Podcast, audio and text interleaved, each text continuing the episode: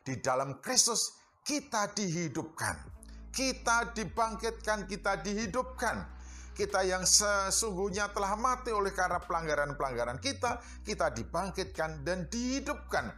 Bahkan di dalam Kristus Allah menganugerahkan kepada kita tempat bersama-sama dan Kristus di dalam surga. Amin. Puji Tuhan. Haleluya.